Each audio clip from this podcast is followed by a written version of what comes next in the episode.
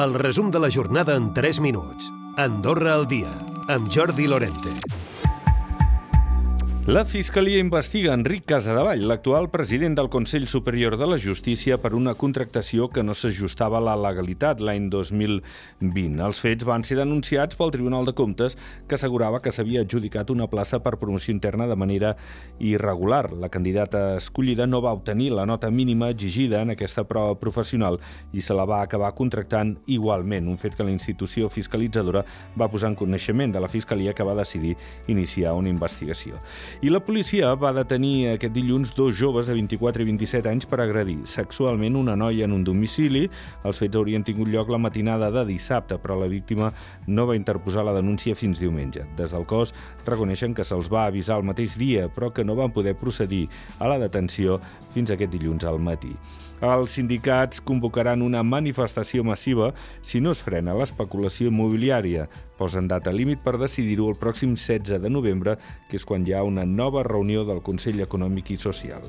L'intenció és convocar la protesta abans de les eleccions comunals si l'executiu no pren mesures. I Andorra la Vella encetarà els debats de les eleccions comunals Andorra Televisió. Serà el 4 de desembre, el dilluns. Durant la primera setmana de campanya seguiran dimarts Ordino i en Camp dimecres. Ja la segona setmana de la campanya l'arrencarà el debat de la Massana, seguit del de Sant Julià de Lòria, el d'Escaldes en Gordany i per tancar el de Canilló el dijous 14 de desembre. Els debats començaran a dos quarts de deu de la nit i s'emetran també simultàniament per Ràdio Nacional i el lloc web Andorra Difusió televisió.ade. Es preveu que els informes sobre l'estat del subsol dels pisos amb esquerdes de Santa Coloma es presentin les properes setmanes. En aquest sentit, amb això es determinaran, doncs, les causes de l'incident.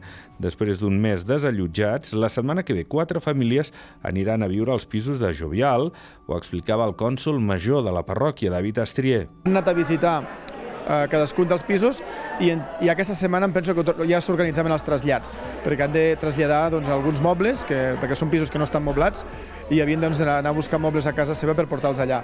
Jo penso que durant aquesta setmana tots, eh, totes les famílies estaran traslladades a Jovial. Donar una segona vida a l'aigua que resti els gots i les gerres dels menjadors escolars i que ho facin els mateixos infants.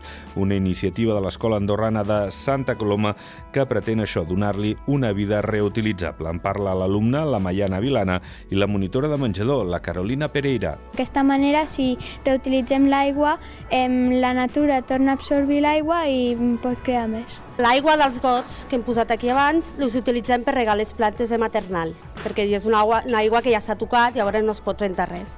I aquesta que són de les gerres, que està neta, utilitzarem per rentar, les, per rentar el terra o les taules. El projecte pensa en les generacions futures. Recupera el resum de la jornada cada dia a AndorraDifusió.d i a les plataformes de podcast.